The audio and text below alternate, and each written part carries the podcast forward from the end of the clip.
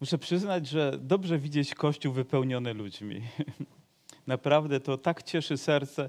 I nawet patrząc dzisiaj na Was, wyglądacie na wyspanych. Ciekawe z jakiego powodu.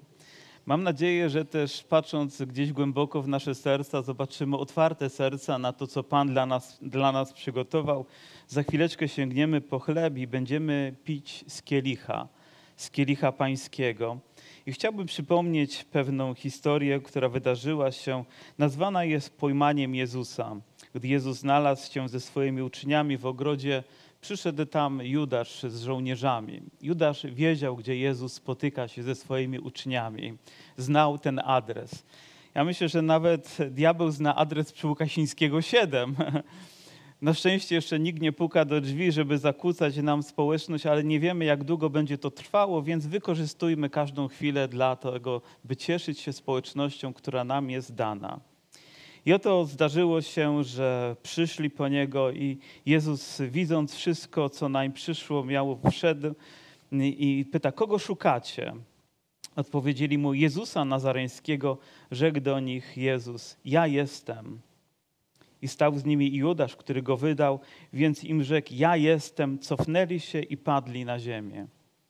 Być może ten fragment umyka nam bardzo szybko, po prostu Jezus wypowiada słowa, ale zobaczcie reakcję tych ludzi. Padają na ziemię. Te jedne zdanie, czy ten jeden zwrot, który mówi: Ja jestem, zrobił tak ogromne wrażenie, że nie mogli ustać na tym miejscu. Jakby ktoś ich prądem poraził. Nie mogli po prostu nie zgiąć swoich kolan. Jak wielka moc i autorytet musiał być w tych słowach: Ja jestem. Wiecie, że te słowa, gdyby usłyszał rodowity Żyd, to skojarzyłby tylko z jednym z Bogiem Abrahama, Izaaka, Jakuba, który objawił się, który mówi: Ja jestem. To jest taki bezpośredni dowód na to, kim Jezus jest kim On dla mnie jest, kim On dla Ciebie jest. I na Jego słowo też wiemy, że pewnego dnia zegnie się każde kolano i każdy język będzie musiał Go wyznać. W tym momencie nie dlatego, że chcieli, ale dlatego, że musieli to zrobić, po prostu padli na ziemię. I oczywiście za chwileczkę próbują pojmać Pana Jezusa. Wówczas Szymon Piotr, mając miecz, dobył go, uderzył sługa arcykapłana i odciął mu prawe ucho a słudze temu było na imię Malachus. Na to rzekł Jezus do Piotra, włóż, włóż miecz swój do pochwy. Czy nie mam pić kielicha, który dał mi Ojciec? Wyobrażam sobie również i te chwile, kiedy oni przychodzą, próbują pojmać i oczywiście kto jak to, ale Piotr musi zareagować. On nie może w takiej chwili być obojętny, wyciąga miecz. Co ciekawe, nawet Pan Jezus wcześniej upewnił się, że oni wezmą ze sobą miecz i Piotr miał przy sobie, wyciągnął go, uderzył sługę. Nie wiemy, czy chciał go zabić, zrobić mu krzywdę, tamten się uchylił, czy ten nie trafił, ale odciął mu prawe ucho.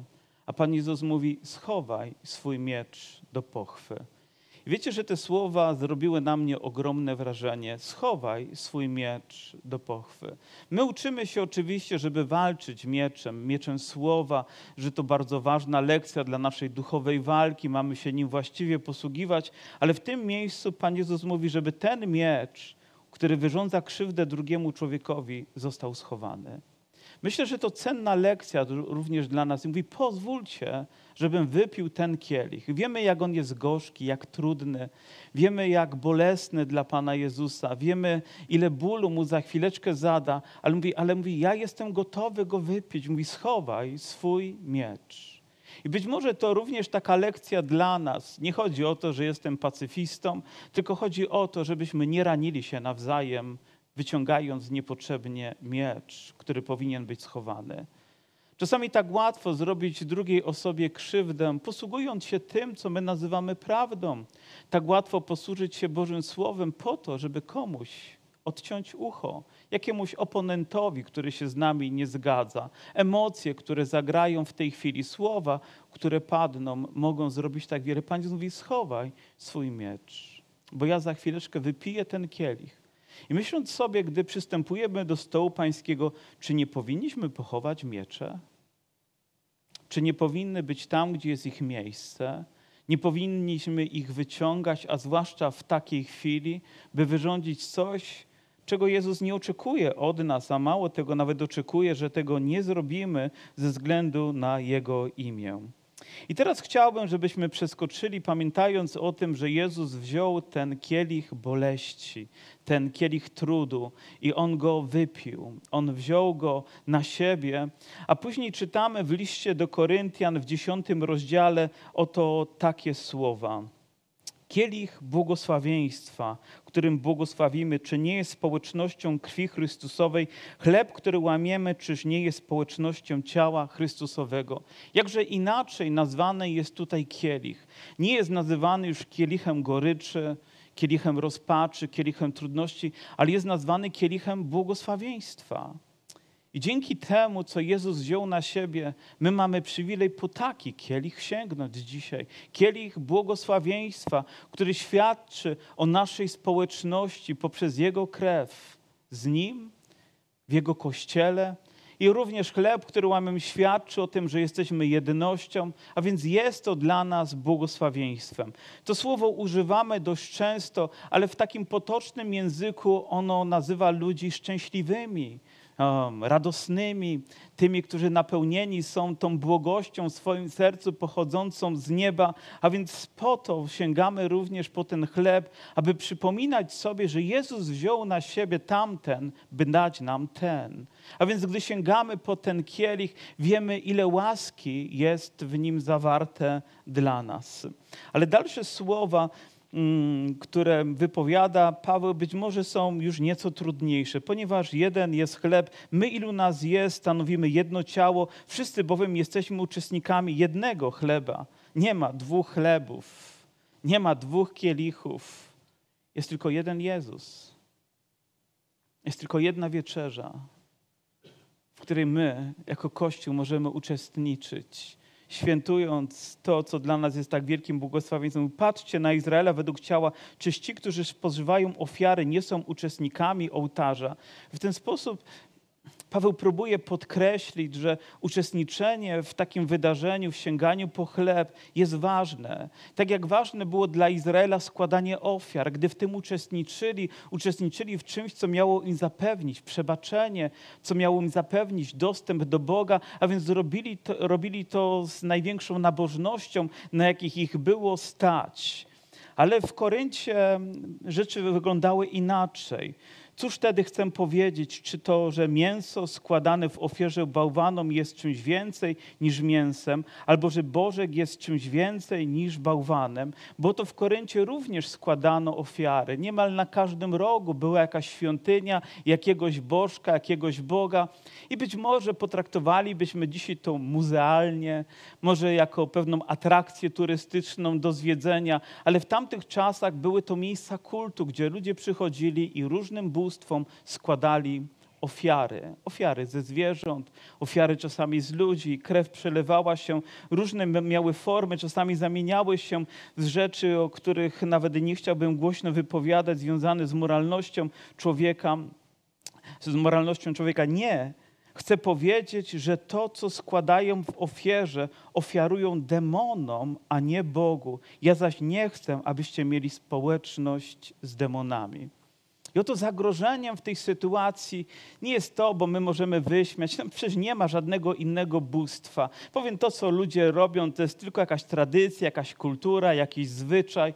Ale Paweł mówi nie, mówi, za tym stoi niebezpieczeństwo dla was, więc proszę, abyście w tym nie uczestniczyli. Proszę, abyście nie brali udział, ponieważ może być to zagrożeniem dla, dla was, dla Kościoła. A poza tym nie przystoi mój bracie, nie przystoi moja siostro, byś w niedzielę, nazwijmy to tak, sięgał po chleb, a w poniedziałek uczestniczył w czymś, co nie jest niegodne. Ponieważ Jezus wziął na siebie ten kielich wystarczający, aby tam moje grzechy zostały umieszczone, aby moje myśli, moje złe postępowanie zostało mi przebaczone i On to wypił, On to wziął na siebie po to, by mnie dać kielich błogosławieństwa, bym był wolnym człowiekiem w moim sercu, ale również po to, bym nie wracał do tego, co nie jest godne mojego, mojego Boga. Oto kielich błogosławieństwa my dzisiaj pijemy Kościół Pana Jezusa pije. W tych dniach i w takich chwilach, kiedy różnimy się z ludźmi, łatwo też jest wyciągnąć miecz i po prostu walczyć z tymi ludźmi na słowa, na argumenty. Ale Pan Jezus mówi: schowaj ten miecz. Może nie tędy jest nasza droga, którą mamy iść. Może powinniśmy wskazywać na to, co jest właściwe, na ten kielich i na to zwycięstwo, które się dokonało, na ten triumf, nie uczestnicząc w niczym innym, bo nie ma potrzeby, aby Kościół cokolwiek dodawał do tego, co Jezus dla nas uczynił. Abyśmy wymyślali jakiekolwiek inne formy pobożności albo religijności. Oto kielich błogosławieństwa, w którym ja i Ty możemy dzisiaj uczestniczyć. Za drzwiami spotykamy się z innymi możliwościami, ale do nich nie chciałbym, żebyśmy w jakikolwiek nawet mentalny sposób wracali. Powstańmy więc i z tą pełną świadomością, odpowiedzialnością, że dzisiaj przystępujemy, może ktoś z nas powinien schować jakiś miecz. Może toczy się jakaś walka w Twoim domu. Może padają słowa w stosunku do męża, żony, może kogoś bliskiego. Niewłaściwie schowaj ten miecz.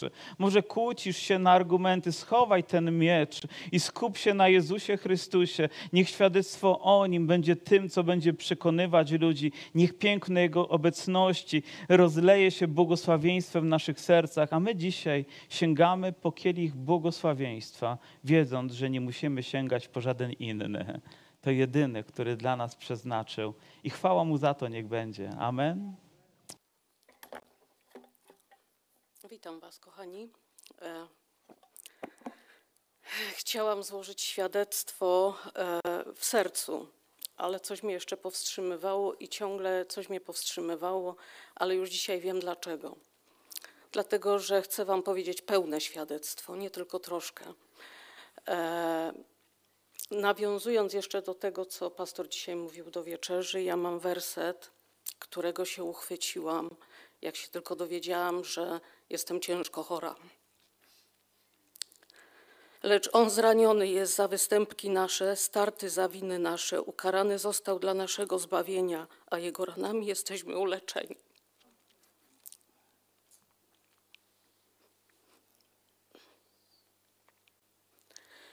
I to był, i to był werset, który mi, który mi towarzyszył przez, e, przez całą chorobę. A drugi werset, który, którym się modliłam na grupie, jak byliśmy, jak się tylko dowiedziałam, w tym, w tym samym dniu, co się dowiedziałam, że e, to jest nowotwór złośliwy i to jest taki bardzo agresywnie przerzutowy. Modliłam się, że nie umrę że będę żyć i opowiadać o dziełach Jego. I tu stoję. I tu stoję.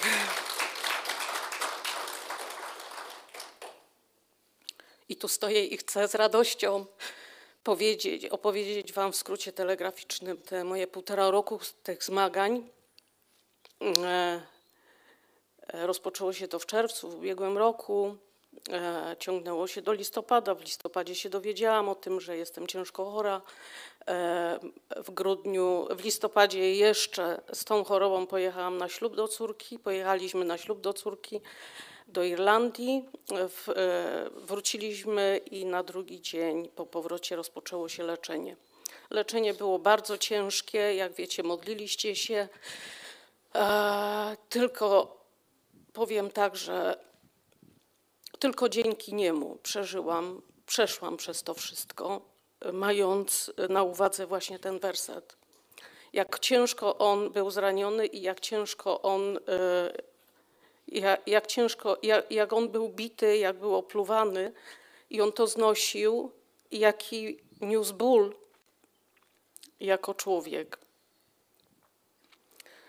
Ten ból, który ja miałam, to prawdopodobnie nic w porównaniu z tym, którym Jezus przechodził. I też mnie to trzymało. Trzymało w, ta, e, w takiej radości, bo w głębi serca cały czas miałam radość za to, dlatego że jestem dzieckiem Bożym i mam Pana i że wiedziałam, że przejdę przez to wszystko e, zgodnie z Jego wolą. Pewnym momencie, kiedy już tak było ciężko bardzo, że nie miałam siły nawet mówić, pomodliłam się, że pomodliłam się, żeby mnie albo Bóg, Boże mówi, albo mnie odwołaj, albo mnie uzdrów. I po tej modlitwie przyszło, e, przyszła ulga i zaczęło być coraz lepiej. E, to trwa do dzisiejszego dnia, to coraz lepiej, bo skutki uboczne leczenia e, to są długotrwałe skutki i e, odczuwam je do dnia dzisiejszego. Niemniej jednak chciałam Wam powiedzieć, że w, w lipcu w lipcu poszłam na, bo chodzę co trzy miesiące na badania, na tomograf, rezonansy, USG i w lipcu byłam na tomografii. E, wyszedł jeszcze, ja tak na, e, jeszcze powiem, że to był guz nieoperacyjny, a e, nasz brat Janusz Hordejuk modlił się o mnie i powiedział mi, że skalpel mnie nie dotknie, chirurgiczny. Więc ja troszkę byłam też i zła na niego w pewnym momencie, że, że, że tak powiedział, tak się pomodlił, ale wiem, że to była Boża wola. E, kiedy właśnie w lipcu e, byłam na tym badaniu na tomografii, wyszedł jeszcze ten guz, on miał 4,5 cm, a zmniejszył się już o 75% w tym momencie. E, on miał jeszcze 4,5 cm i tak się zaczęłam modlić. Ja mówię, Boże, to jest nie moje, ja tego guza nie chcę. Ja nie chcę mieć nic, co mam w sobie, co, co jest we mnie, a nie jest Twoje. E, tydzień po wizycie u lekarza, który mi powiedział, że jest, poszłam na USG. Pani doktor na USG powiedziała, że nie ma żadnego guza. Że nie ma żadnego guza. Ale potwierdzimy to rezonansem. Rezonans był w ubiegłym tygodniu. Potwierdzone jest rezonansem, że jestem zdrowa. I chwałę mu oddaję. Bo rzeczywiście skalpel mnie nie dotknął, a nie mam guza. On po prostu znikł, e, znikł, bo wiem, że to Pan, że to Bóg wszystko zrobił, żebym ja była zdrowa i mogła opowiadać o tym, jak mnie uzdrowił i jak cudownych mam, jak cudownych mam braci i siostry, którzy się modlili o mnie. I chcę Wam bardzo, bardzo podziękować za to, że trwaliście w modlitwie. Wiem, że e, godzinami żeście się modlili o mnie. Chcę Wam z całego serca, z głębi serca Wam podziękować i proszę o dalej, o dalszą modlitwę. Dziękuję Wam, kochani. Chwała Bogu. A ja przepraszam jeszcze, pastorze, ja, gdzie, jak mogłabym ominąć mojego męża, który trwał przy mnie przez całą tą chorobę bardzo dzielnie, bo ja nie byłam dobra, bo to różne sytuacje były i on tak dzielnie wszystko znosił, jeździł ze mną na codziennie na naświetlania, codziennie na chemię, e, znaczy się e, co poniedziałek na chemię. E, naprawdę był dzielny i Bogu dziękuję za niego i chwałę mu oddaję, ale nie mojemu mężowi, Panu Bogu.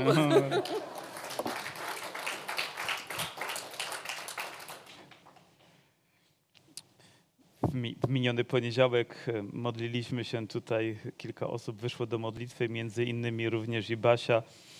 I z takim pytaniem, czy powinno składać świadectwo, czy nie, ponieważ gdzieś jakiś jeszcze opór był, e, może niepewność, czy to jest ten właściwy czas, czy nie należy poczekać. I wtedy pamiętam, że przyszły mi słowa modlitwy, w zasadzie takiego biblijnego wiersza, parafraza, mówi, że Bóg jest Bogiem chcenia i wykonania. I Basia wtedy tak spojrzała na mnie, mówi, ja też się modliłam tymi słowami, nie? że Bóg połączył to. I później modliliśmy się o czas, który będzie, będzie najlepszy. I okazuje się, że mieliśmy dokładnie te same myśli. Jeszcze Basia później pyta mnie, no kiedy, no kiedy, no kiedy, no kiedy, no kiedy. Ja mówię, będzie właściwy czas. Mówię, i to najbliższy, żeśmy powiedzieli, a więc to była najbliższa niedziela i Pan wypełnił też i w jej sercu to słowo. I wierzę, że jest zbudowaniem i zachętą dla nas. Może ktoś z Was zmaga się z czymś, co wymaga uzdrowienia. Wiecie, to świadectwo uświadamia mi, że Boża moc może pokonać śmierć. Może pokonać to, co najtrudniejsze w naszym życiu. Będziemy dalej sięgać do listu do Rzymian i mam nadzieję cieszyć się słowami, które są tutaj zawarte. Będzie to budować naszą wiarę. Nawet zastanawiałem się w minionym tygodniu, czy jestem w stanie zrozumieć teologię łaski, teologię Pawłową, jeżeli nie zrozumiem listu do Rzymian? Czy pozostałe listy byłyby wystarczające, gdyby ten nie został umieszczony w kanonie? I oczywiście jest szansa, że człowiek może dojść do właściwych wniosków, czytając pozostałe listy, ale mam, nadzieję, mam wrażenie, że ten jest takim kluczowym, rozpoczynającym, czy sztandarowym, jak my to nazwiemy. Ktoś powiedział, że to największe dzieło Nowego Testamentu. Pewnie inni powiedzą, że to jest Ewangelia Jana, jeszcze inni Księga Objawienia, ponieważ to są nasze ulubione księgi, ale niezależnie od tego wiemy, jak ważna jest to księga w Nowym Testamencie i jak ważną rzeczą jest pochylić się na nią, by ją rozważać. Czytając tę księgę i rozpatrując pewne słowa, które wydają nam się trudne, albo myśli, które tak e, szybko prezentuje apostoł Paweł, dochodzimy do wniosku, że trzeba mieć jakiś tajemny klucz do tego, żeby zrozumieć tę księgę. Ktoś z Was miał takie myśli, czytając? Czasami mamy wrażenie, że apostoł czasami też sam sobie zaprzecza w, w niektórych słowach. Tak oczywiście nie jest, ale też bądźmy świadomi tego, że On kierował te słowa do takich ludzi jak ja i wy, jak każdy z nas, do zwyczajnych ludzi. On nie napisał tej księgi do seminarium, tego listu, żeby tam najpierw rozpatrzyli, a później przekazali dalej, ale napisał do zboru, który będzie czytał, a Bóg ma moc oświecić nasze serca tak, abyśmy rozumieli. Duch Święty wyjaśni nam zawarte tutaj prawdy, abyśmy mogli się nimi cieszyć. Aleluja. Myślę sobie też o człowieku, który gdzieś, będąc jeszcze zamkniętym w pomieszczeniu, i próbuję pochylać się nad tym listem i myśląc o tym, jaką, jaką drogę odnaleźć do Boga, tę właściwą. I pewnie do tej pory uczony był, że musi to zrobić przez szereg uczynków, przez szereg takich pobożnych, nabożnych rzeczy, aż dochodzi do słów, które mówią, że jedynie z łaski człowiek może być zbawiony. I ta myśl, która pojawiła się w jego sercu, zmieniła jego życie, a później rozlała się na świat i dociera do różnych zakamarków, takich jak ten również w Dąbrowie Górniczej, aby, aby dawać nam nadzieję, którą mamy w Jezusie Chrystusie przez Jego łaskę. Dzisiejszy poranek był dla mnie bardzo trudny. Chciałem coś zrobić bardzo szybko, nigdy tego nie róbcie szybko. Chciałem po prostu moją Biblię jeszcze raz wykasować i, i sobie wgrać, ponieważ spowolniła bardzo. Zmieniłem system w komputerze, o tam od czasu do czasu zachęca nas do tego, żebyśmy upgrade'owali się, a więc zrobiłem to. I kiedy to zrobiłem, moja Biblia spowolniła. Wiecie, co mam na myśli? Ponieważ mam elektroniczną, więc ją otwierałem, otwierała się kilka minut. Gdy przesunąłem palcem, żeby kartka się e, przewróciła, trwało to z trzy minuty. Mówię, no nie, no tak nie można żyć, więc postanowiłem, że ją wykasuję i jeszcze raz wygram ale zapomniałem o tym, że mam notatki w tej Biblii, że mam zaznaczone wiersze, mam podkreślone myśli. W zasadzie spędziłem, nie wiem, może z 200 godzin albo nawet więcej, zapisując różne myśli, które są związane z fragmentami Bożego Słowa i wszystko skasowałem dzisiejszego poranka. Aleluja. Może Bóg w ten sposób chce powiedzieć, musisz na nowo rozpocząć. 200 godzin, może książka by nawet z tego powstała, ale gdzieś odeszło to w zapomnienie, a więc mam czystą Biblię, bez żadnych podkreśleń, bez żadnych myśli z przeszłości. I chciałbym za każdym razem, gdy podchodzę do Bożego Słowa, właśnie z takim nastawieniem podchodzić, z otwartością mojego serca, nie tylko z historią, która gdzieś za mną się toczy, ale z nastawieniem, że Bóg nowe rzeczy chce też umieścić w moim życiu, że chce podnieść moją wiarę, chce na nowo ją budować, chce, żebym na nowo przemyślał niektóre aspekty mojego życia i zrozumienia Bożego Słowa i by nimi nasycać nasze życie. Jakżebym chciał, żeby również ludzie w naszym narodzie, żebyśmy my w Kościele na nowo potrafili czytać Biblię, żebyśmy nie tylko chodzili w kolejnach pewnej tradycji, która nam towarzyszy, ale mogli na nowo zmierzyć się z Bożym Słowem, zostawiając wszystko. A może najcenniejszą lekcją listu do Rzymian będzie to, że my również zamkniemy się gdzieś w naszych pokojach modlitwy, że znajdziemy czas, aby skupić naszą uwagę tylko na Bożym Słowie. I gdy będziemy czytać, Duch Święty ma moc, aby do nas przemówić. Ma moc, aby uwolnić nasze myśli od przeszłości, od tego, co może nas obarczać i dać nam świeże, nowe spojrzenie na to, co jest tak cenne. I oto trzeci rozdział. I trzeci rozdział z pewnością zapamiętany jest z jednego wiersza, który pamiętamy na pamięć, Rzymian 3,23, który powiada, gdyż Ojej, na szkółkę niedzielną, że się nie chodzili, gdyż wszyscy zgrzeszyli i brak im chwały Bożej. To kolejna lekcja, która wynika z tego, że nie powinniśmy wyrywać tylko jednego wiersza i go zapamiętywać, ale zawsze, gdy czytamy Boże Słowo, powinniśmy ten wiersz umieszczać w kontekście ponieważ jeżeli tak nie zrobimy, to może być to pretekstem do tego, żeby go niewłaściwie rozumieć i wyciągnąć fałszywe wnioski. A więc w kontekście oznacza, że czytam wcześniejsze wiersze, czytam późniejsze wiersze i chcę rozumieć, w jakim miejscu Bóg ten wiersz umieścił, po to, żeby moje poznanie było głębsze, żebym nie użył go jak miecza w niewłaściwy sposób i nawet może raniąc w ten sposób samego siebie, nie tylko innych, albo dając ludziom coś, co akurat nie jest dla nich, bo tylko ja tak pomyślałem, a Bóg już ten wiersz, nie wiem, chciał, żeby został umieszczony tam i on już się wypełnił, już to słowo w zasadzie no, ma tylko ogólne znaczenie. Musimy być po prostu ostrożni żeby nie nadużyć. I oto czytamy również pewne rzeczy, które będą trudne, ale mam nadzieję, że i dzisiaj dla nas zachęcające. I mówi Paweł tak, czymże więc góruje Żyd, albo co, za pożytek jest obrzezania? I dalej, wielki pod każdym względem, przede wszystkim ten, że im zostały powierzone wyrocznie Boże. Paweł odnosi się do Żydów, odnosi się do narodu wybranego i zadaje pytanie, mówi, jaki pożytek jest z obrzezania? I gdybyśmy czytali list do Galacjan, to powie, powie tam, mówi, w zasadzie to, jeżeli wy daliście się obrzezać, to po co wam łaska? A tutaj mówi, że rzeczywiście mówi pod każdym względem może być pożytek, ale też używa takiego stwierdzenia, które mówi im zostały powierzone. Wiemy też, że apostoł Paweł był z pochodzenia Żydem, prawda? Oczywiście miał obywatelstwo też, to najważniejsze w tamtym czasie, dawało mu pewne uprawnienia i, i wiele kosztowało, ale mówi im zostały powierzone wyrocznie Boże, im Żydom, im w ich księgach zostało zapisane to, co Bóg chciał objawić i co rzeczywiście rzeczywiście objawił w Jezusie Chrystusie. A może i w ten sposób apostoł Paweł chce i nasze myśli skierować do tego, abyśmy rozumieli, skąd zbawienie się wywodzi, a wywodzi się ono od kogo? Od Żydów. I również gdy czytamy Ewangelię Jana, to i tam dowiadujemy się, że zbawienie pochodzi od Żydów, dlatego że z tego narodu wywodzi się nasz Zbawiciel, a więc i my w tym odnajdujemy pożytek.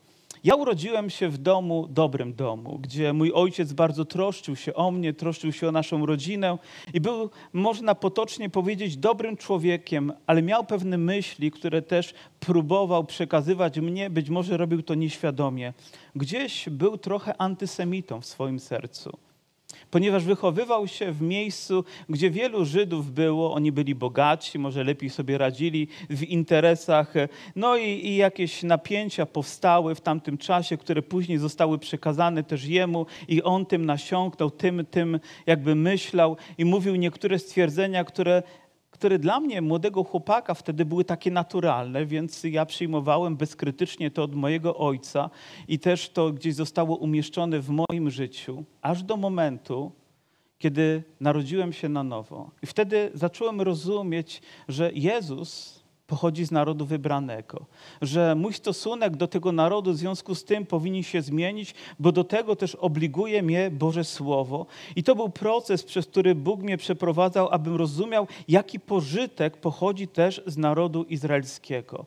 I doszedłem do wniosku, i również i Wam mogę to przekazać z całą świadomością i odpowiedzialnością, że żaden chrześcijanin nie może być antysemitą. Nie może być bo to jest wbrew Bogu, bo to jest wbrew temu, co objawia nam Boże Słowo. I mało tego, doszło do tego, że zacząłem czuć też pewien sentyment do tego narodu, gdy w 2006 roku mogłem odwiedzić też i Izrael i jeździć po tej ziemi. Oczywiście spotkałem różnych ludzi, rozpiętość jest od bardzo ortodoksyjnych do bardzo liberalnych, ale mimo wszystko gdzieś czułem taką, nie wiem, duchową więź z tymi ludźmi, czy też wdzięczność za to, że tam narodził się Zbawiciel, że tam oddał za mnie swoje życie, że patrząc dzisiaj na ten naród, mogę też widzieć, co się dzieje na świecie, jak wypełniają się proroctwa, jak przybliża się ten czas, kiedy nadchodzi Mesjasz, a więc jest tym również pożytek dla nas. Nie myślę, że musimy ślepo naśladować wszystko i każdy z nas, tu się narodzi, musi być w tradycji żydowskiej. Nie, tego nie musimy pielęgnować tak, jak oni to robili. Myślę, że z tego nawet zostaliśmy wyzwoleni, ale nasz stosunek do nich powinien być niezmienny. Pamiętam, jak pewnego dnia byłem też e, w Auschwitz, e, w tym, tym obozie, i przychodziła też grupa młodzieży i nieśli flagę izraelską. I mieli oczywiście ochronę. Ale wiecie, kiedy ich zobaczyłem tam w tym miejscu, wiele lat po tym, jak dokonał się tam ten Holokaust, powiem, rozpłakałem się. Nie, nie, nie, mogłem tego, nie mogłem tego opanować, bo wiedziałem, ile złego się wydarzyło i wiedziałem, że ci młodzi ludzie tam idą, patrzą na to wszystko, co się wydarzyło. To było tak niezwykłe, tak poruszające. I też jakąś taką wdzięczność miałem dla nich. I później miałem wiele okazji spotykać się ludźmi z tego narodu i wciąż czuję do nich ogromny sentyment. Biblia mówi, jeżeli będziemy błogosławić temu narodowi, będziemy błogosławieni. Ale jeżeli będziemy go przeklinać, obróci się to przeciwko nam. A więc jest pożytek. Ale Paweł nie tylko mówi o tym, że mamy skupić jakoś na nim taką tylko uwagę, ale mówi, bo co z tego, że niektórzy nie uwierzyli z tego narodu? Czyż niewierność ich zniweczy wierność Bożą? Mówi, z pewnością nie. W zasadzie dzisiejsze kazanie e, zatytułowałem tym, aby były rzeczy w naszym życiu, których możemy być pewni. I tutaj pojawia się pierwszy punkt, czego my możemy być pewni. Możemy być pewni tego, że niewierność człowieka, a nawet niewierność jego narodu nie zniweczy wierności Bożej. Myślę, że to jest bardzo głęboka myśl, że ona powinna pozostać w nas, bo my często oceniamy ludzi, widzimy, że coś jest w ich życiu niewłaściwego i od razu mówimy: O, skoro ty chodzisz do tego kościoła i tak się zachowujesz, to ja nie chcę wierzyć w Boga. Ale nie może być tak, że przez naszą niewierność Bóg w ten sposób będzie oceniany, ponieważ Bóg jest niezmienny, On jest wierny bez względu na to, nawet jeżeli my takiej wierności nie dochowujemy. Oczywiście, że takie rzeczy mogą być zgorszeniem, że takie rzeczy mogą być złe i one również mogą się pojawić nie tylko w narodzie izraelskim, ale nawet w społeczności takiej ewangelicznej jak nasza, gdzie nasza niewierność nasze zachowanie nie jest dobrym świadectwem, ale to nie świadczy o tym, że nasz Bóg nie jest Bogiem wiernym. On jest jest wierny. On jest wierny w tym, żeby dotrzymywać obietnicę. On jest wierny w tym, by wypełniać je w naszym życiu. Wszak Bóg jest wierny. Tego, moja siostro, mój bracie, możesz być pewny. Dzisiaj słyszeliśmy, jak jedno słowo, którego uchwyciła się nasza siostra, zaczęło owocować w jej życiu bo Bóg jest wierny. Gdy umieszcza słowo w naszym życiu, będzie wierny i wypełni je również w nas. Gdy obiecał coś swojemu ludowi, będzie wierny i wypełni każde słowo, które zostało im obiecane. Mówi, a każdy człowiek jest kłamcą, jak napisano. Abyś się nie okazał sprawiedliwym w słowach swoich, i zwyciężył, abyś się okazał sprawiedliwym w słowach swoich i zwyciężył, gdy będziesz sądzony. Dlaczego? Bo mamy z tym problem, pewnie z mówieniem prawdy, z wypowiadaniem ich, a zwłaszcza wtedy, gdy trzeba za to zapłacić cenę. Pomyślałem też sobie w pewnym momencie, że mówienie prawdy nawet dzisiaj w kościele w otwarty sposób jest trudne. Dlaczego? Bo ludzie nie chcą słuchać o tym, co dla nich jest niewygodne, tylko o tym, co będzie dla nich miłe, co będzie dla nich przyjemne, co będzie dla nich dobre. Ale gdy powiemy prawdę, stajemy się ich nieprzyjaciółmi i wrogami, patrzą na nas z boku. Doświadczamy takich rzeczy, że trzeba prawdę powiedzieć, a mimo to przełykamy ją do środka, bo boimy się ją powiedzieć.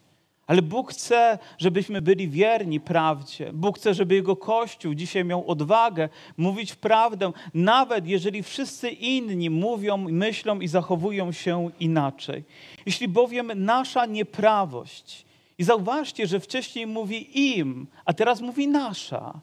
Jakby mówi im, zostało to dane, wyróżnił ich, a teraz, gdy mówi też o winach, o nieprawości, mówi nasza, utożsamia się z nimi. Apostoł Paweł był naprawdę zacnym człowiekiem. Był wielkim człowiekiem. Nie wskazywał na siebie, o, ja teraz Żyd, ja teraz obrzezany, ja teraz faryzeusz z pokolenia, niemal w pokolenie, czy wychowany starannie u stóp Gamaliela, ja mam znaczenie. Mówi nie, mówi kimże jestem? Jestem sługą, jestem człowiekiem posłanym tu, by służyć innym. I jestem człowiekiem, który z grzeszników jest pierwszym. Mówi, nasza nieprawość jeśli bowiem nasza nieprawość uwydatnia sprawiedliwość Bożą, to cóż powiemy? Czyż Bóg jest niesprawiedliwy, gdy gniew wywiera? Po ludzku mówię, z pewnością nie. I znowu pojawia się to słowo z pewnością nie. I również niewłaściwe jest myślenie, że jeżeli przychodzą doświadczenia i trudności, jeżeli moglibyśmy powiedzieć, że gniew Boży się objawia przeciwko Jego ludowi, a my jesteśmy, jesteśmy tego świadkami, to nie możemy powiedzieć, że Bóg w tym, co czyni, jest niesprawiedliwy, że postępuje niewłaściwie, a tak dzisiaj jest oceniany. Jedno z podstawowych pytań, które zawsze się pojawia, gdzie jest ten Bóg, skoro dzieje się tak wiele zła? Gdzie on jest, gdy dzieci umierają na choroby nowotworowe, gdy rozpadają się domy, gdy ojciec znęca się nad rodziną, gdy wybuchają wojny, konflikty, ludzie są prześladowani? Gdzie jest Bóg, gdy tyle milionów ludzi zostało straconych przez jakiegoś szaleńca, który rozpętał tą epidemię, która rozlała się na całą Europę i prawie że świat? Czy nie słyszeliście takich pytań? I w związku z tym ludzie mówią, o, to Boga nie ma. Ale nikt nie zadaje sobie sprawy, że może to my sami ściągnęliśmy na siebie to, co później spijaliśmy. Może pozwoliliśmy, by do tego doszło. Ja wierzę, że Bóg jest sprawiedliwy. I tego się trzymam niezachwianie. Wiem, że mogą przyjść czasy trudniejsze. My mierzymy się z tym, co nazywamy pandemią, z tym, że wielu ludzi zachorowało, wielu ludzi też z tego powodu umarło, wielu ludzi zostało wystraszonych. Ale widzę, że Słowo Boże uczy mnie, że nie toczymy boju z krwią i z ciałem, ale toczymy bój z siłami, których czasami nie widzimy i być może nawet nie rozpoznajemy, one są zwrócone przeciwko nam. A więc gdy patrzę też na to, co się dzieje, patrzę, jaka duchowa walka się za tym toczy. Mówię, Boże, to nie jest tak, że Ty odwróciłeś się od tego świata, ale może to jest też tak, że w tym momencie jest sprawdzana moja wiara moja wytrwałość, moja wierność, moje oddanie, moje poświęcenie, moja odwaga, którą tak ładnie deklarowałem jeszcze rok temu, śpiewając pieśni, że się nie poddam, że się nie ulęknę, że będę wytrwały, ale gdy przychodzi taka próba, tak łatwo jest się odwrócić. Więc Boże, gdzie jesteś? Jak mogłeś do tego dopuścić? Jak to się stało, że takie rzeczy dzieją się pośród nas? I wiem, że i dzisiejszy Kościół nie tylko w Polsce, ale na świecie przechodzi kryzys. Ale chcę Wam powiedzieć na podstawie Bożego Słowa, nie tylko moich przekonań, ale tego, o czym zapewnia nas i Paweł w swoim liście. Bóg jest sprawiedliwy. Wiecie, co też to oznacza? Że żadna niesprawiedliwość nie pozostanie bez odpowiedzi.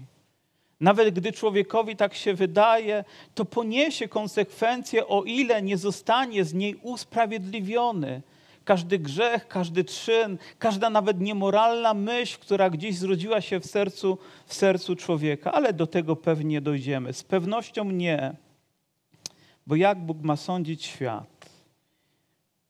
I później dalej mówi, czy jest tak, jak spowtarzają, jak niektórzy powiadają, że my mówimy, czyńmy dobrze, aby przyszło, e, czyńmy złe, aby przyszło dobre. Potępienie takich jest sprawiedliwe. Oto kolejna myśl, którą możemy się zmierzyć, że człowiek myśli, że pozostanie bez konsekwencji wobec swoich czynów i może robić, co mu się podoba, oczekując, że i tak przyjdzie to, co dobre. Taka teologia pojawia się w kościele. Nieważne, jak żyjesz, nieważne, jakie masz standardy, nieważne, jak się zachowujesz, Bóg i tak na to nie będzie zwracał żadnej uwagi. Paweł mówi, takie myślenie jest godne potępienia. Taka postawa nie powinna nigdy mieć miejsca, ponieważ każdy grzech, powtórzę to po tysiąckroć, musi zostać usprawiedliwiony, musi zostać wyznany, musimy od niego się odwrócić, musimy zachować naszą prawość. Nie dlatego, że przez nią zostaniemy zbawieni, ale przez to, że ona potwierdza naszą relację z Nim. Oto wszyscy ludzie są pod wpływem grzechu. Mówi, nie ma ani jednego sprawiedliwego, mówi wiersz dziesiątym. I później jakby opisywał życie nie tamtejszego, tylko społeczeństwa, ale być może cały świat. Grobem otwartym jest ich gardło. Językami swoimi knują zdradę. Jad żmii pod ich wargami. Usta ich są pełne przekleństwa i gorzkości, nogi ich są skore do rozlewu krwi. Spustoszenie i nędza na ich drogach, a drogi pokoju nie poznali. Nie ma bojaźni Bożej przed ich oczami. Oto straszna perspektywa, która toczyła się w tamtym świecie. Minęło dwa tysiące lat i powiedzcie mi, czym się różnimy od tamtego społeczeństwa? Czym różnią się myśli człowieka? Zło wciąż jest złem. Na szczęście łaska wciąż jest łaską. Na szczęście Boża prawość wciąż nią jest. Jego sprawiedliwość jest niezmienna. Mówi, dlatego z uczynków zakonów nie będzie usprawiedliwiony przed nim żaden człowiek, gdyż przez zakon jest poznanie grzechu. Oto uchwycili się mocno zakonu, myśląc, że trzymając się go, on sam w sobie ich usprawiedliwia. Ale apostoł Paweł próbuje rozbroić to i powiedzieć: Nie, przez to, że jesteście w ten sposób religijny, nie oznacza, że zasługujecie na zbawienie. Przeciwnie, mówi, ten zakon tylko jakby pokazuje, jak światło w waszym sercu, ile jest nieprawości, bo każde z tych przykazań jest równie zwrócone przeciwko wam, a wystarczy, że jednego z nich nie nie spełnicie i jesteście winni wszystkiego, co tam jest napisane. A więc to ważna lekcja również dla nas, że nie możemy polegać na jakimkolwiek systemie religijnym, w którym się wychowywaliśmy, w którym się urodziliśmy, który zapewnia nas o tym, że nie grozi nam żadne niebezpieczeństwo, ponieważ to nie jest zgodne z Bożym Słowem. To, że urodzili się w tym narodzie, to, że zostali obrzezani, oczywiście wielki pożytek być wybranym narodzie i oczywiście był to znak przymierza, ale Bóg oczekiwał czegoś więcej w ich życiu Oczywiście i my narodziliśmy się w narodzie, który nazywa się chrześcijański. Oto i my być może zostaliśmy poddani pewnym procesom religijnym czy pewnym działaniom, rytuałom, które były w tradycji, w kulturze, ale niezgodne z Bożym Słowem, zapewniając nas, że wszystko będzie dobrze. Nie. Musimy sobie uświadomić, że z religijności żadnego narodu nikt nie będzie zbawiony. Nikt, nikt, ani jedna osoba. Ciekawe, czy to pójdzie gdzieś w świat, czy internet nam się teraz wyłączy. Bo jest to prawdą, z którą musi się zmierzyć każdy człowiek. I Paweł nie ma skrupułów, żeby powiedzieć to narodowi izraelskiemu. Mówi, gdyż wszyscy zgrzeszyli i brak im chwały Bożej.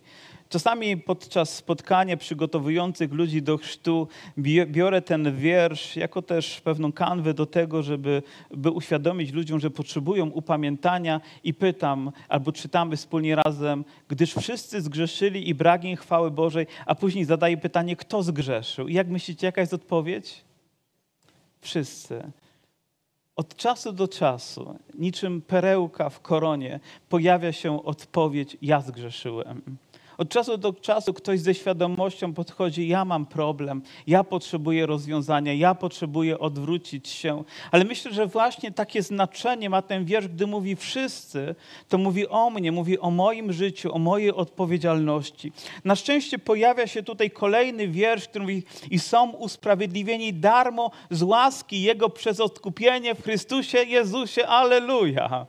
Na szczęście jest dla nas dobra nowina, że jest usprawiedliwienie darmo z łaski przez odkupienie w Chrystusie Jezusie. I oczywiście słowo usprawiedliwienie, o nim mówiliśmy wcześniej, ale spróbuję teraz zająć się zagadnieniem darmo, że coś zostało nam dane bez zapłaty, bez możliwości wpływania na to. Żyjemy w czasach, gdzie podejmuje się wiele różnych działań prawnych i czasami jest takie określenie, które mówi, że mówi sprzedamy ci coś za symboliczną złotówkę, prawda? Ktoś z was miał taką ofertę, za symboliczną złotówkę coś otrzymać? Kto by nie chciał samochodu za symboliczną złotówkę? Złóżcie mi tylko taką ofertę. Ale to już nie jest darmo. Prawda? Bo trzeba zapłacić w znaczeniu prawnym, ty uiściłeś za to opłatę. To już nie jest darmo, ty, ty zapłaciłeś za to. Być może jest to symboliczna kwota, ale później ona musi być brana pod uwagę. I mam wrażenie, że diabeł do takiego stanu doprowadza nasze myśli, że tak ale musisz mieć złotówkę.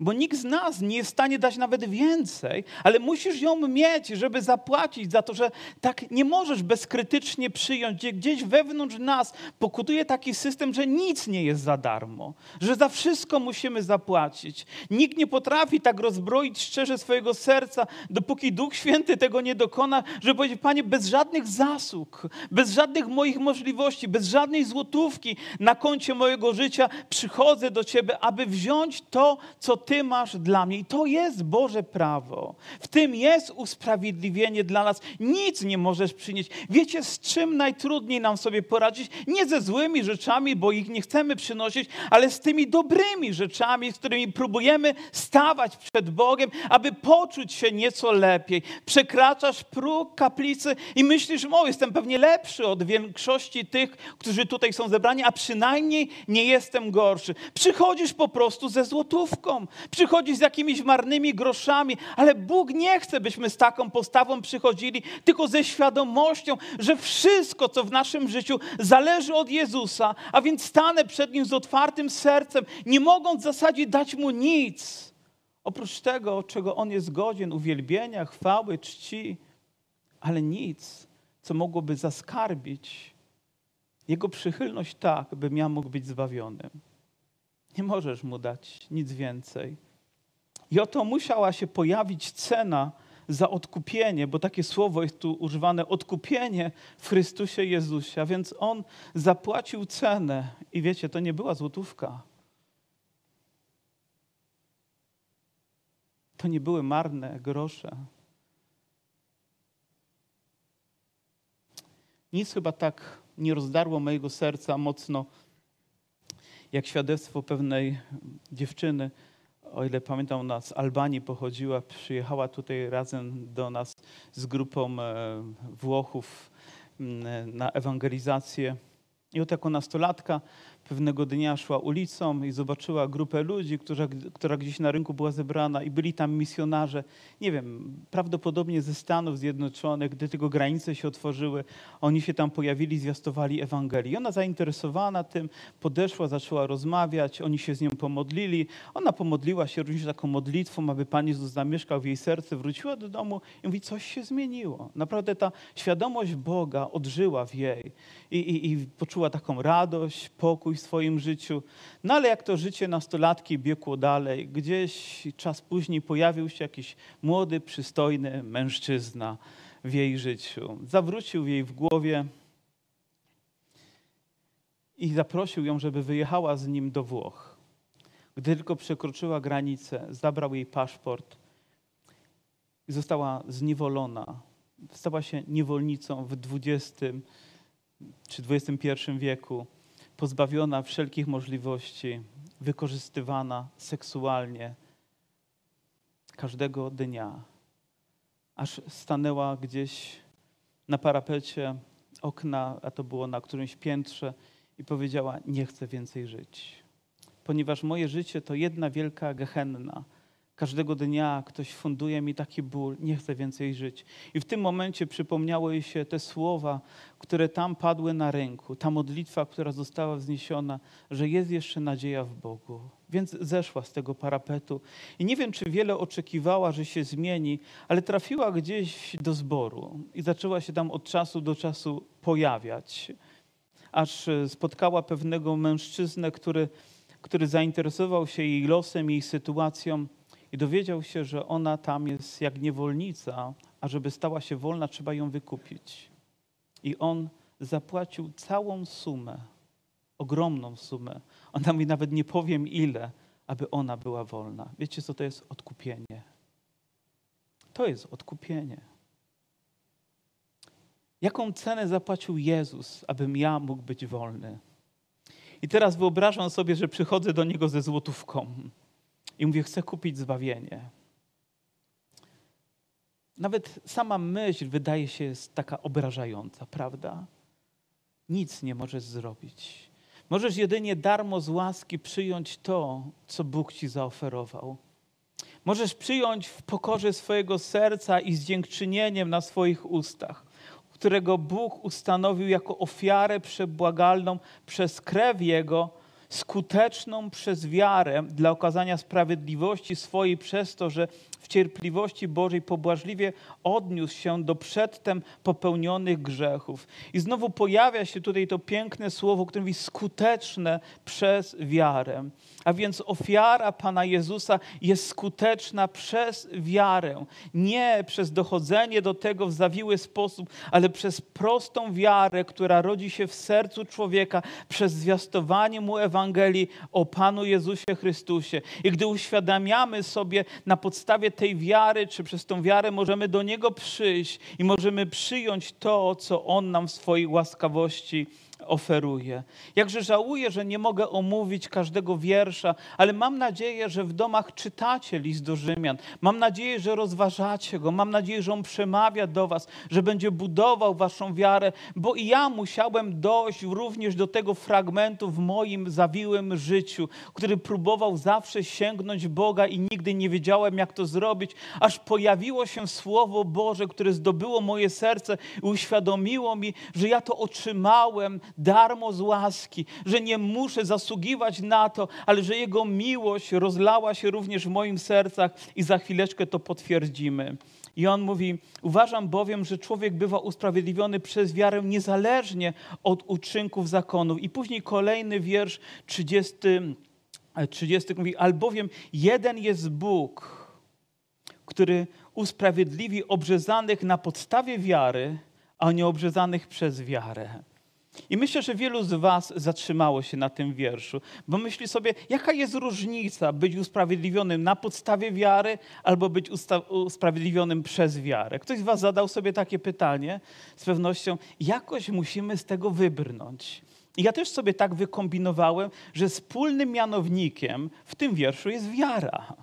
Bez względu na to, czy to dotyczy Żyda, czy to dotyczy człowieka, który pochodzi z pogan, to wiara jest tym, co łączy nas z tym, do czego możemy dojść w Jezusie Chrystusie, czyli do nowego życia i zbawienia. Prawda? A więc jest to proste wyjaśnienie. Ale myślałem nad tym wierszem dość długo i na podstawie wiary pomyślałem sobie, że ktoś na podstawie, nie wiem, jakiegoś orzeczenia, jakiegoś świadectwa, czy może mm, jakiegoś zeznania, zostanie ułaskawiony. Ktoś po prostu za nim stanie i powie, albo na podstawie jakichś pism, na podstawie jakiegoś prawa zostanie to orzeczone. I tak było w narodzie izraelskim, że im zostały dane pisma, które zapowiadały to, że przyjdzie Mesjasz, że przyjdzie Zbawiciel. Dawały im obietnice i na podstawie tego oni mogli dojść do Jezusa Chrystusa i poprzez to mogli przez wiarę uzyskać zbawienie.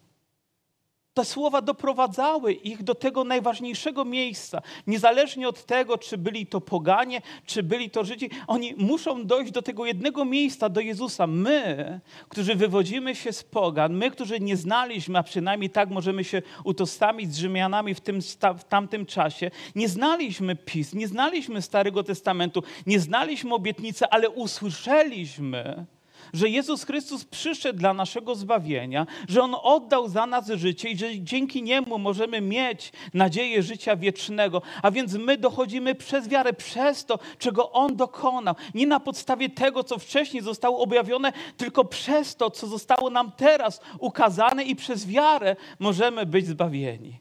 Mam nadzieję, że bardziej Wam nie skomplikowałem tego w sercach, ale, ale wspólnym mianownikiem jest, że tylko poprzez zaufanie Chrystusowi człowiek może dojść. Czy to jest Żyd, czy to jest pogani, czy to jest człowiek religijny, czy to jest człowiek, który siedzi dzisiaj w więzieniu, człowiek, który jest daleki. Tylko w Jezusie Chrystusie, tylko w Nim możemy odnaleźć nadzieję życia wiecznego. I to jest pewne.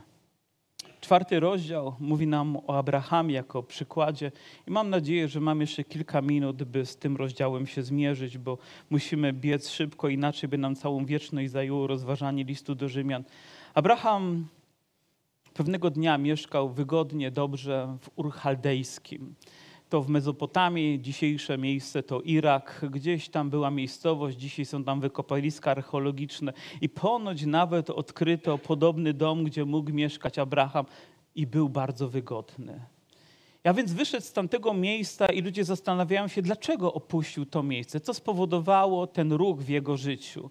Niektórzy uważają, że wtedy zaczęły się pewne niepokoje społeczne, że mogło być to związane z niebezpieczeństwem, które nadciągało i on, żeby się ewakuować od tego, to po prostu wyszedł.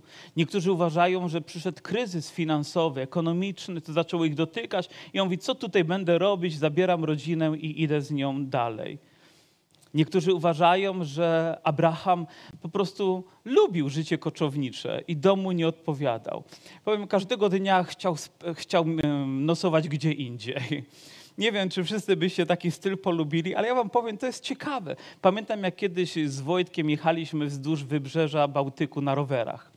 Wzięliśmy ze sobą plecaki, wzięliśmy namioty nie wiedzieliśmy, gdzie będziemy spać. Naprawdę, ruszając, mieliśmy oczywiście namiot, że możemy go rozbić gdziekolwiek, tylko dałoby się rozbić, choć takich miejsc okazuje się nie ma aż tak wiele, przynajmniej bezpiecznych, ale za każdym razem znalazło się jakieś miejsce, gdzie mogliśmy spać. Ale to, ale to była przygoda. Moja żona by się na to nie pisała, to już wiem. Jakbym wyszedł, to sam z urchaldejskich. Ale, ale on wyszedł, wiecie dlaczego? Bo Bóg mu się objawił. Nie dlatego, że ekonomia taka była, czy strach padł przed wrogami, tylko dlatego, że przyszedł Bóg i powiedział: wyjdź.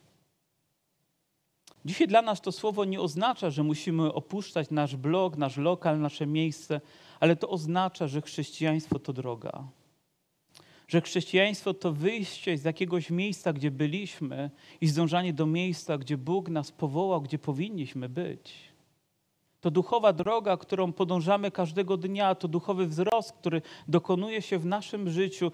I Abraham, a wtedy jeszcze Abram jest tego doskonałym przykładem.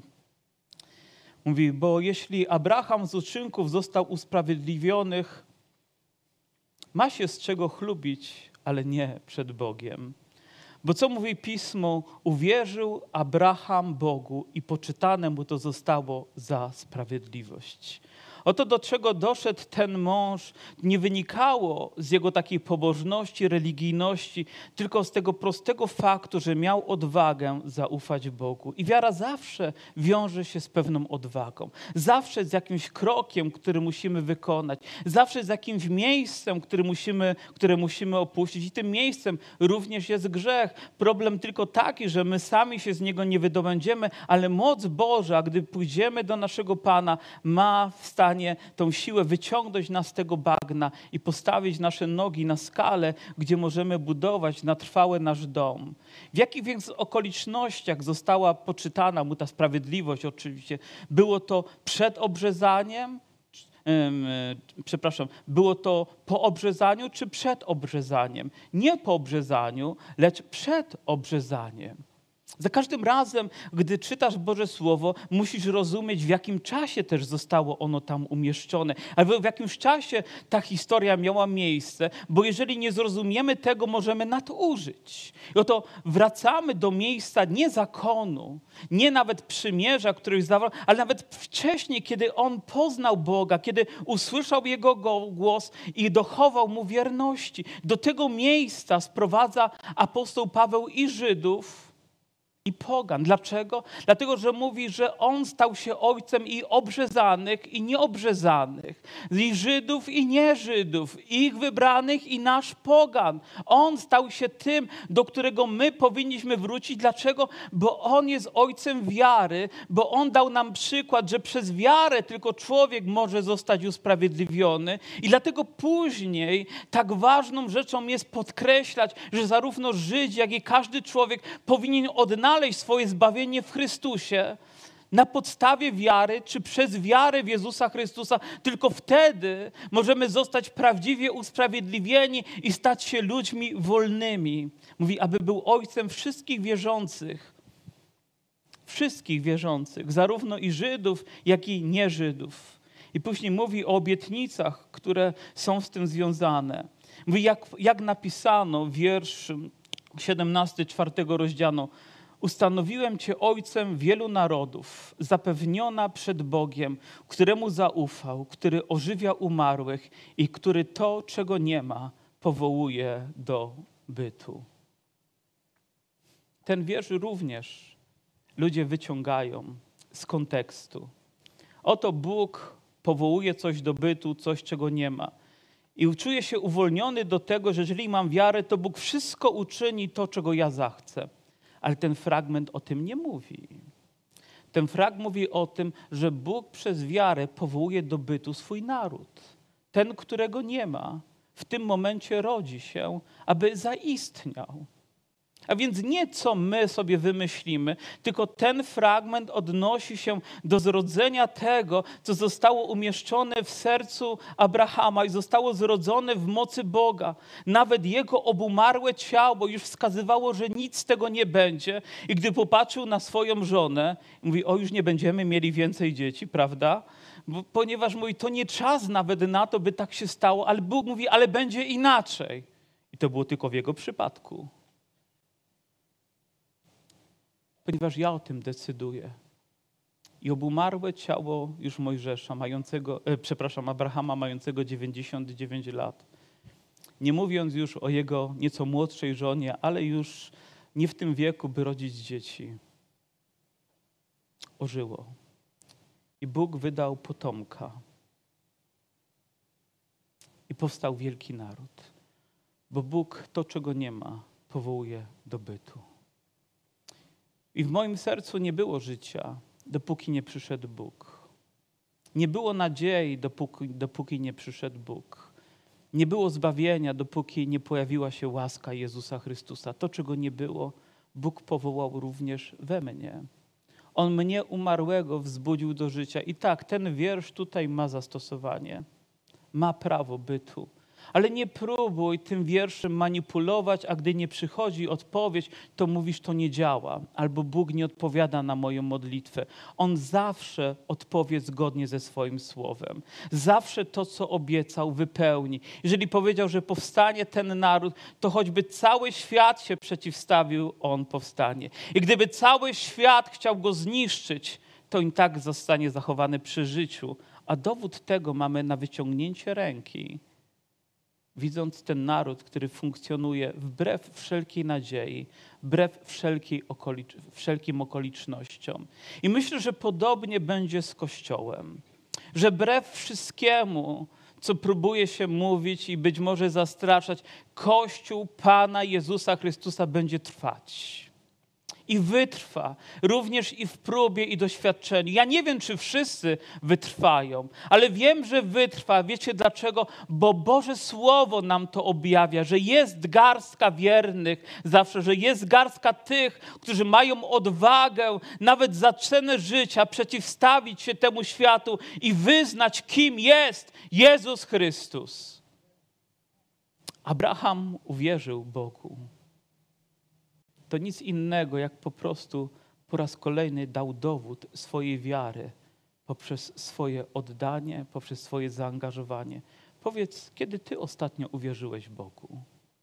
I nie mówię o dniu, kiedy była ewangelizacja, wyszłeś na środek, ale kiedy ostatnio dałeś tego wyraz? Być może nawet w relacjach z ludźmi, w decyzjach, które podejmujesz, w prawości Twojego serca, która musiała się objawić w tym, że masz odwagę wyznać. Kiedy zaufałeś Bogu, składając po raz kolejny całego siebie, aby Jego życie mogło być w całej pełni w Tobie? Kiedy?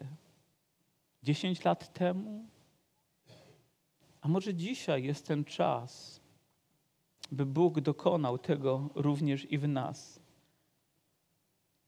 Abraham wbrew nadziei, żywiąc nadzieję, uwierzył Bogu, aby stać się ojcem wielu narodów, zgodnie z tym, co powiedziano, takie będzie potomstwo Twoje. Taki będzie też Kościół Pana Jezusa, wbrew nadziei, wbrew okolicznościom, będzie miał wciąż nadzieję w Bogu. I on nie zwątpił, w, i w niedowiarstwa w obietnicę Bożą, lecz wzmocniony wiarą dał chwałę Bogom. I ten wiersz, który jest takim kluczowym dla mnie, mając zupełną pewność, mając zupełną pewność, że cokolwiek On obiecał, ma moc uczynić. Niczego nie możemy być tak pewni, jak tego, co Bóg umieścił w naszych sercach w swojej obietnicy. Niczego zupełną pewność, nie prawdopodobieństwo, nie jakikolwiek rachunek, ale zupełną pewność. Moja siostro i mój bracie możesz mieć w swoim sercu przez wiarę w Pana Jezusa, że On jest obecny w Tobie, że On dał Ci życie wieczne, że On będzie razem z Tobą. A więc daj wiarę tego każdego dnia poprzez standard Twojego życia, poprzez kulturę Twojego życia, poprzez Twoje zachowanie. On ma moc i chce to wypełnić. Jestem pewien, że również wypełni i zachowa nas. List do Filipian mówi: Ten, który rozpoczął w nas dobre dzieło, będzie kontynuować aż do końca. A tutaj mówi, mając zupełną pewność, że cokolwiek on obiecał, ma moc wypełnić. I chyba muszę w tym momencie skończyć, choć oczywiście pokusę mam, by pójść i dalej, i dalej. Być może jeszcze na koniec, w który został wydany za grzechy nasze i wzbudzony z martwych do, dla usprawiedliwienia. To wszystko zostało potwierdzone przez Niego w tym, czego dla nas dokonał. Ale my, żyjąc w dzisiejszym świecie, niepewnym świecie, chwiejnym świecie, gdzie inflacja zaczyna galopować, gdzie napięcia społeczne zaczynają się pojawiać, gdzie ludzie większości nawracają się na islam niż na chrześcijaństwo. Czy wiecie o tym, że dzisiaj więcej będzie ludzi, którzy przejdą na islam, niż tych, którzy przejdą na chrześcijaństwo?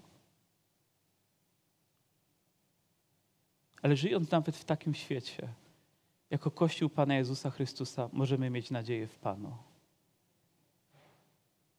Że On nas zachowa, że On będzie nas strzec i że możemy do Niego przyjść bez złotówki i broń Boże, byśmy z taką złotówką próbowali przyjść. I zostaniemy usprawiedliwieni darmo z łaski i będziemy dla Niego żyć. Ale o jedno też proszę. Okaż swoją wiarę. Gdy przyjdzie czas próby, może nawet dzisiejszego dnia, gdy ktoś odezwie się nieprzychylnymi słowami, okaż wiarę, nie wyciągając miecza. Okaż wiarę, okazując miłość. Okaż wiarę, krocząc za Panem. Okaż wiarę w modlitwie, okaż wiarę w słowie, okaż wiarę w posłuszeństwie, w powołaniu.